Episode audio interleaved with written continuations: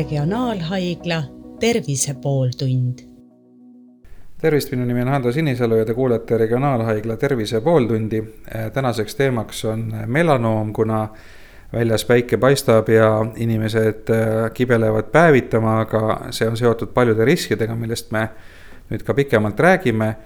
ja minu vestluskaaslaseks on doktor Kadri Putnik, kes on Põhja-Eesti Regionaalhaigla vanemarst, onkoloog ja võib-olla alustuseks äh, teeks mõisted selgeks, et äh, mida siis melanoom endast täpsemalt kujutab? melanoom on siis naha pahaloomuline äh, kasvaja, mis lähtub siis pigmentrakkudest. ja siin on vahetevahel tehaksegi siis äh,, aetakse segamini, et iga nahavähk ei ole kindlasti melanoom. aga ta on üks osa nendest nahast lähtunud pahaloomulistest kasvajatest, nendest kõige agressiivsem kui palju melanoomi esineb Eestis ja kas on ka mingid riskirühmad?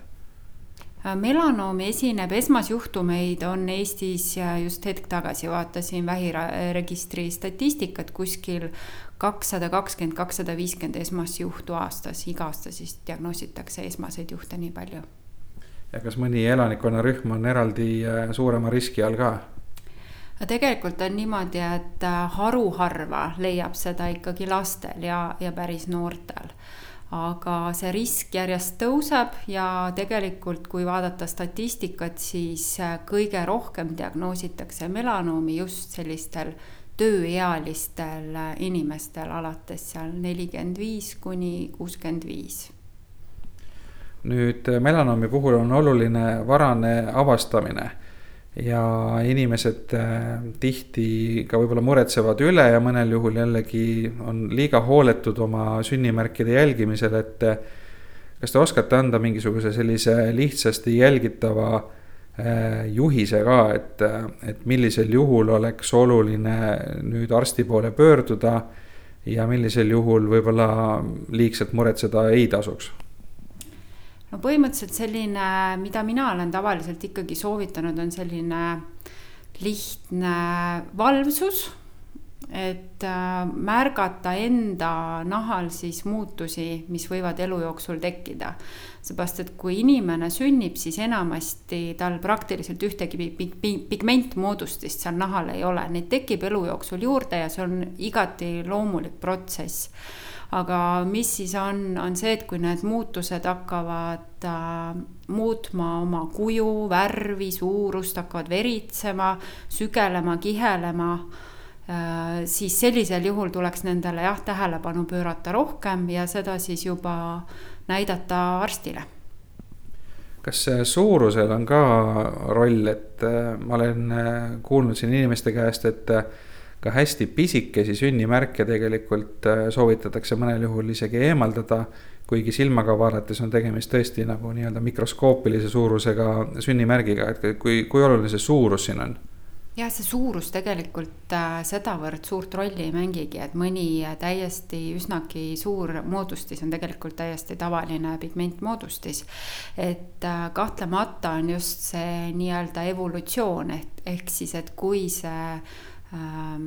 moodustis on, muudab järsku näiteks värvi, läheb tume süsimustaks või sinakaks, et ja on ise imeväike. et siis ka sellele tuleks nagu hoopis teistmoodi tähelepanu pöörata.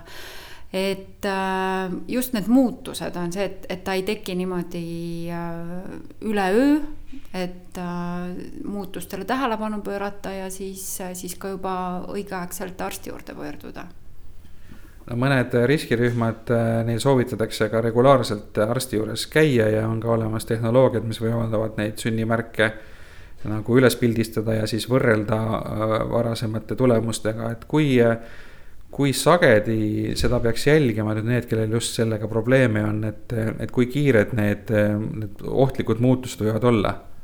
no kõigepealt on see, et kes on see riskipatsient, riskipatsient on põhimõtteliselt sellise üsnagi heleda nahaga patsient, kellel on ka tedretähnid, kellel, kes teab, et tal on lapsepõlves olnud ka üsnagi palju selliseid päikesepõletusi ja kes põleb äh, nagu päikese käes väga kiiresti ja läheb selliseks punaseks ja roosaks äh,. kellel on perekonnas äh, juba teada, et tal on kellelgi lähisugulasel melanoomi või siis ka äh, eriti need, kellel on varasemalt kunagi mingisugune väikene melanoom juba diagnoositud, et need on kindlasti need riskipatsiendid.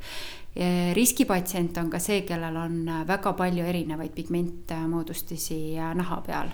et üle viiekümne, siis jah, nendel soovitatakse kord aastas tegelikult enda nahka kontrollida ja seda nahka kontrollib siis ikkagi nahaarst aga kas see kord aastas liiga harv ei ole, et kas seda hirmu ei ole, et see ohtlik muutus võib seal, ma ei tea, nädalate või kuudega aset leida? see enamasti ikkagi nädalate ja kuudega ei teki, et äh, loomulikult, et kui patsi-, kui inimene on käinud näiteks siin aasta tagasi äh, arsti juures neid vaat- äh,, kontrollimas ja poole aasta pärast midagi märkab, et siis ta hambad ristis ei pea ootama seda järgmist aastat, vaid et siis ta pöördub lihtsalt varem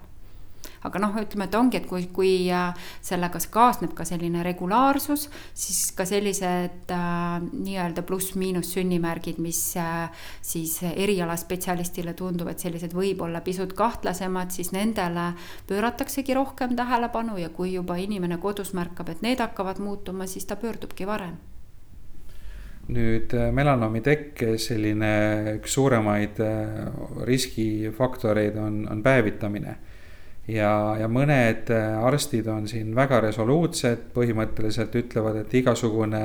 päevitamine on tegelikult ohtlik, aga samas äh, no Põhjamaa inimestena see, see päike on ikkagi meie jaoks niivõrd maagiline, et sellest päevitamisest või päikese käes viibimisest on nagu väga raske hoiduda, et äh, kas siin on võimalik mingisugune selline kuldne kesktee ka leida, et ikkagi nautida päikest, aga teha seda siis niimoodi, et ennast mitte väga suurde ohtu panna no minu arvates on, on selline resoluutne keelamine, et äh, piltlikult öeldes, et kui päike paistab, siis inimene toast äh, välja minna ei tohiks täiesti vale käitumine, sellepärast et absoluutselt kõik asjad, mida me täiesti resoluutselt ära keelame, need ahvatlevad veel rohkem. Ja sellel, sellel ei ole ka nagu sellist noh, õigustust. Et äh, ikkagi tuleks selline mõõdukus ja, ja esimene asi on see, et äh, oleneb nüüd inimese nahast, eks ole, kui inimese nahk on väga kergesti põletuv, siis ta peabki teadma seda, et tema ei saa väga kaua päikese käes viibida. mis on esimene soovitus veel üldse kõikidele, on see, et äh, vältida seda kõige aktiivsemat äh, päikese käes viibimise äh, aega, et mis tavaliselt meie kliimas on seal kuskil üksteist, kaksteist ja kuni kella kaheni et äh, mina isiklikult kunagi ei soovita inimestel päevitada, ehk siis, et, et minda, minna randa ja visata lina äh, sinna liivale ja siis praadida ennast viisteist minutit ühelt poolt ja siis viisteist minutit teiselt poolt, et ma ei leia, et see kuidagi mõistlik on. aga selline, et, et värskes õhus viibida äh,, kai-, kaitsekreemi kasutada, kaitseriietust kasutada ja just vältida seda põletust Äh, et see on minu arvates täiesti asjakohane ja sellisel juhul saab ka oma vajaliku D-vitamiini kätte ja sellist antidepressanti ka. aga need mitukümmend tuhat inimest, kes ilusa ilmaga Pärnu rannas kõik päevitavad, et nad siis põhimõtteliselt ikkagi teevad valesti või? no ma ei saa öelda, et nad õigesti teevad, onkoloog ei saa niimoodi öelda, et see on, et see on nagu äh, õige tegu, et äh, kahtlemata, kui, äh, kui Pärnu randa minna näiteks kella, peale kella nelja, siis seal on juba üsnagi hõre, et noh, need, need inimesed on üsna palju targemad kui need, kes kahekümneks, kaheteistkümneks lähevad sinna et me peame ka mõtlema seda, et absoluutselt kõik need mitukümmend tuhat inimest, kes Pärnu rannas on, kõik ei haigestu ju melanoomi, et miskipärast siiski äh, nendest vaid mõned üksikud haigestuvad, aga me ei tohiks ka ära unustada, et sellel päikesel on ka omad muud äh, võib-olla mittesoovitavad sellised toimed, et enneaegne naha vananemine ja jämedamad kortsud ja nii edasi, et, et ka need on sellised asjad, mis selle liigse päevitamisega tegelikult äh, kaasuvad. Kui äh, palju aitavad erinevad päikesekreemid, et äh, ma olen isegi lugenud, ma ei mäleta, kas see nüüd oli tõsiseltvõetav allikas või oli see mõni selline meelelahutuslik allikas, aga olen lugenud sellist arvamust, et päikesekreemid isegi soodustavad äh, melanoomi teket, et äh, mis, mis teadus selle kohta ütleb? no tegelikult äh, tõsi ta on, et päikesekaitsekreem ei äh, vähenda melanoomi tekkeriski. sellepärast, et äh, päikesekaitsekreemiga kaasneb ka see, et inimene justkui nagu piltlikult öeldes kaotab selle valvsuse ja tegelikult viibib päikese käes kauem. ja sellega kaasneb ikkagi ka nendesse sügavamatesse nahakihtidesse selle UV-kiirguse toime. Et jah, on aastakümneid tehtud erinevaid uuringuid just Austraalias, kus on väga suured äh, nii-öelda päikesekurmaanid, et seal on leitud ikkagi, et kui on vältimatu päikese käes viibimine, siis peab UV-kaitsega kreem peal olema. aga eelistatakse ikkagi seda kaitseriietust, et see kaitseb nahka oluliselt paremini. nii et äh, et kui inimene nüüd nii-öelda päevitab ja määrib ennast kokku selle päikesekaitsekreemiga ja ta seetõttu nahk võib-olla ei põle nii. et siis ta tegelikult äh, väldib küll seda päikesepõletust, aga ta paneb ennast sellega rohkem ohtu, et ta lihtsalt viibib päikese käes kauem, kuna tal on seal lihtsalt mugavam olla no mõnes mõttes küll nii jah, ja ta ei, ta ei põletu, ta äh, kaotab ka selle valvsuse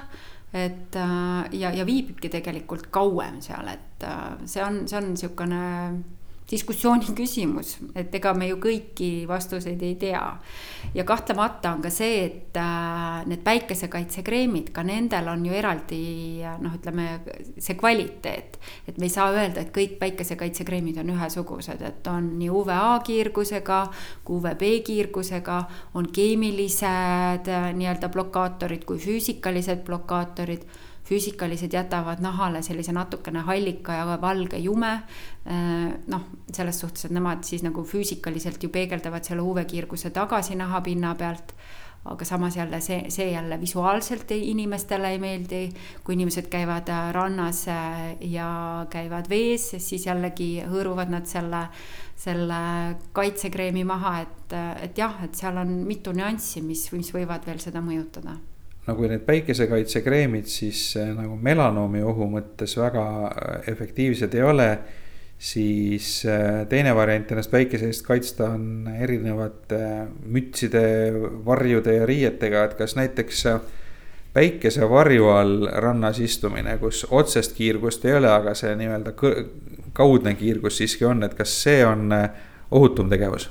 no see on absoluutselt ohutum tegevus, et äh, ja kui ei saa seda päikesevarju kogu aeg kaasas kanda, siis on väga ilusaid kübaraid ja kaabusid.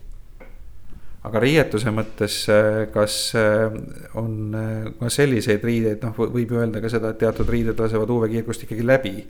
et, et kas, kas siin peaks ka nagu eraldi siis vaatama, et millised need riided on ja, ja kas näiteks lühikesed püksid ja lühikesed varrukad ikkagi siis on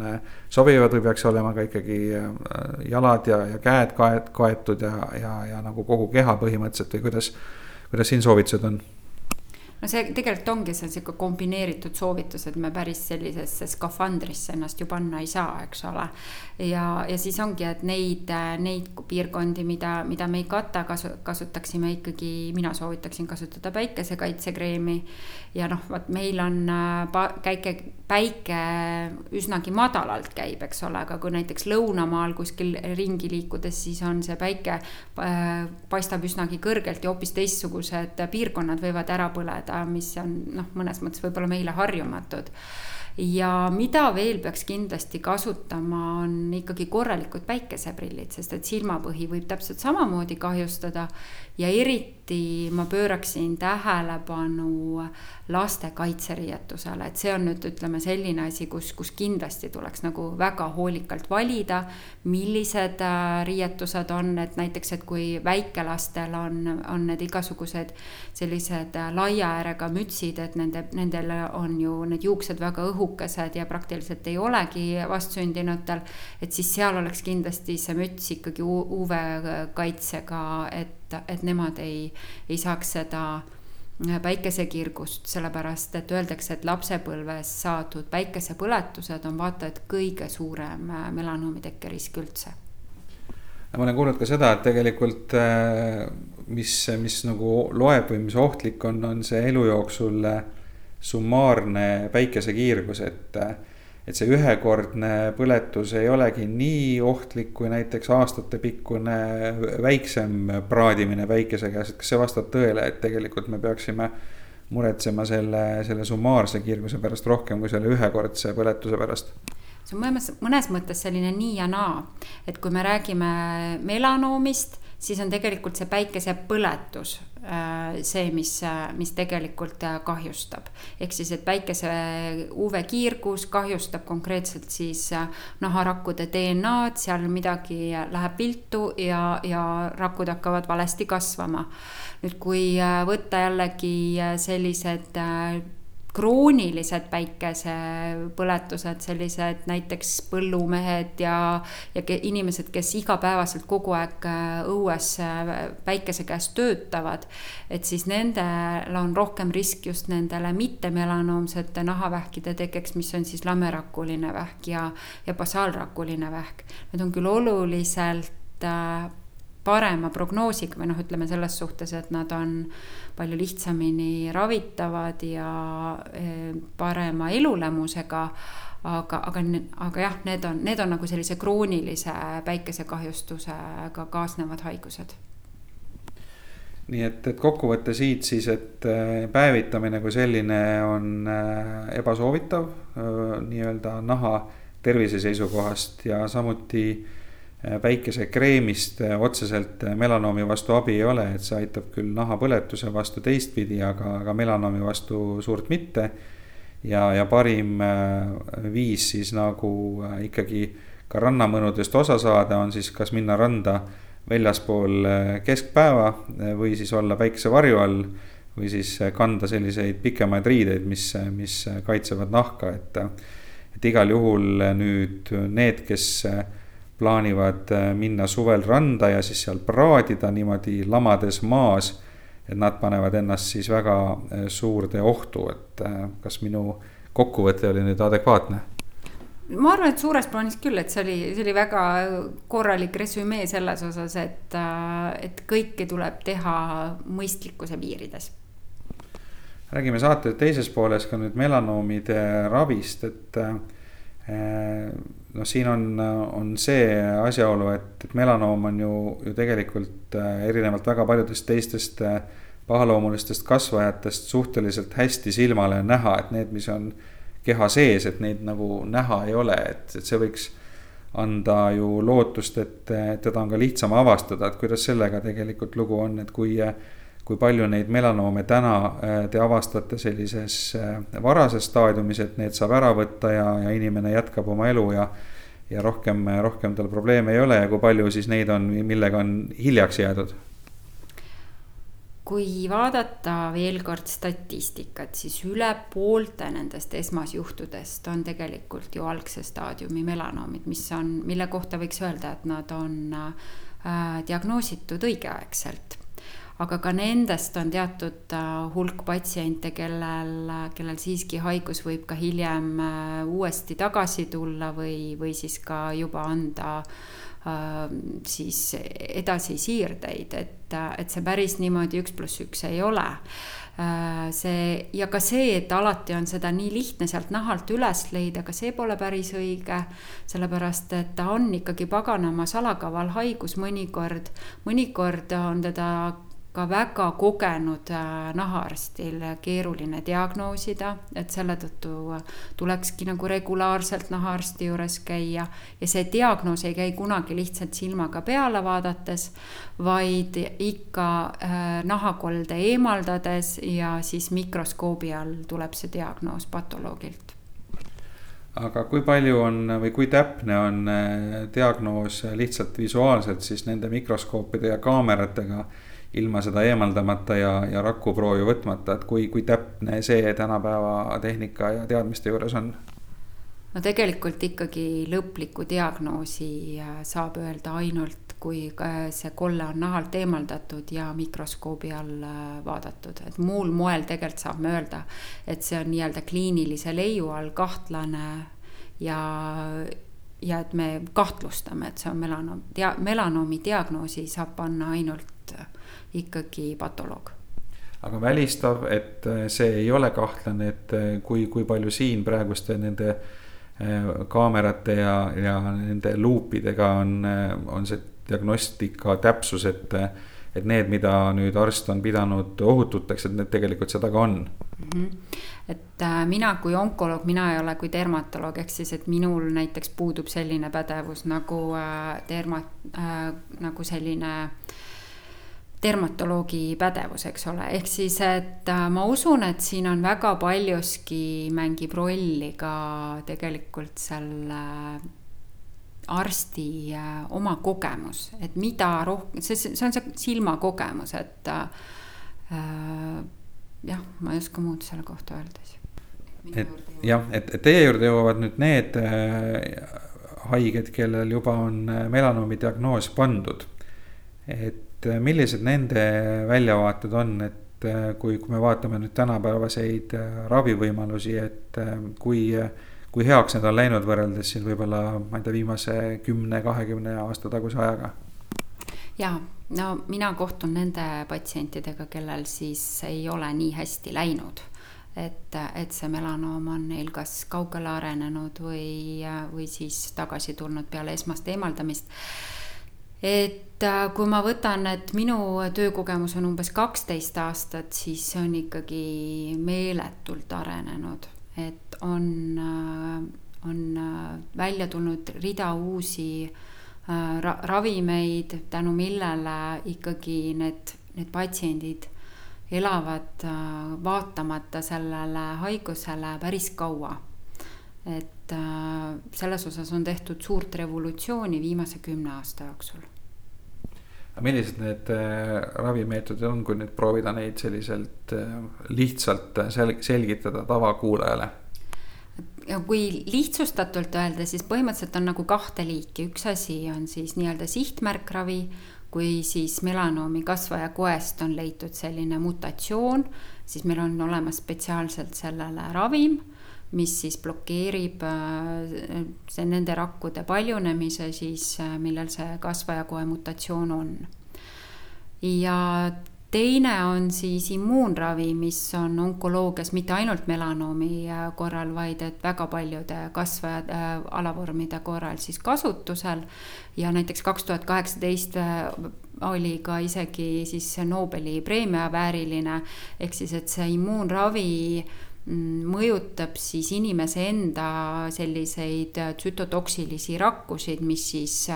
hakkavad seda kasvajat siis hävitama lihtsustatult aga kas nüüd nende moodsate meetoditega on võimalik ka inimene ka täiesti terveks ravida, kellel juba on siis see melanoom olnud ja näiteks ka mingid äh, lähi äh,, lähisiirded, oletame, et väga hulluks pole asi läinud veel? et äh, nende moodsate ravimitega inimesed elavad aastaid ja mina alati olen hästi ettevaatlik äh, lubama kindlalt, et ma olen inimese terveks ravinud kuid mul on üsnagi mitu äh, kaugele arenenud melanoomiga patsienti, kellel äh, igasugused viited tema haigusele praeguseks puuduvad. ehk siis, kui me raviga alustasime, siis äh, haigust oli erinevates organites ja praeguseks puuduvad igasugused viited, et tal neid, et seal oleks haiguskoldeid jah, äh, nii mina kui patsiendid ei julge ennast terveks kuulutada, küll on nad haigusvabad. ja üleüldiselt onkoloogias öeldakse, et ei ole noh, ütleme see, see, see paradigma on muutumas, et tegelikult on tegemist kroonilise haigusega, millega saab elada no te mainisite siin teaduse suuri läbimurdeid, et äh, kui nüüd võrrelda Põhja-Eesti Regionaalhaiglat, ma ei tea, maailma mis, mis iganes kohas need kõige Äh, eesrindlikumad keskused on võib-olla USA-s või, või, või Iisraelis või kui, kus iganes. et äh, kui suur see vahe on, kui kättesaadavad meile täna need kõige eesrindlikumad meetodid on? no suures plaanis, kui me võrdleme ennast keskmiselt, ütleme Euroopa riikidega, et äh, siis väga suur osa nendest innovatiivsetest ravimitest on meil siiski kättesaadavad küll ei ole kõik kättesaadavad ja sellisel juhul on tegelikult, me oleme ka saanud siis äh, muul moel äh, seda sel-, innovatsiooni patsientideni tuua. kas siis erinevate kliiniliste uuringute raames või siis ka tegelikult vähiravifondiga. Aga ma julgen küll väita, et äh, nii regionaalhaiglas kui ka mujal Eestis on ikkagi kõik onkoloogiaga tegelevad arstid väga kursis, noh, praktiliselt ikkagi päevapealt, kui midagi uut tuleb. Ja hoitakse alati silmad lahti, et, et meie patsientidele ka nagu maksimaalselt äh, innovatiivsemat ravi pakkuda. aitäh, meiega vestles äh, doktor Kadri Putnik, kes on Põhja-Eesti Regionaalhaigla vanemarst, onkoloog. äh, ja üleskutse siis kõigile mitte ennast päikese käes praadida, et oma tervist kaitsta. Saadet juhtis Hando Sinisalu ja aitäh kõigile kuulajatele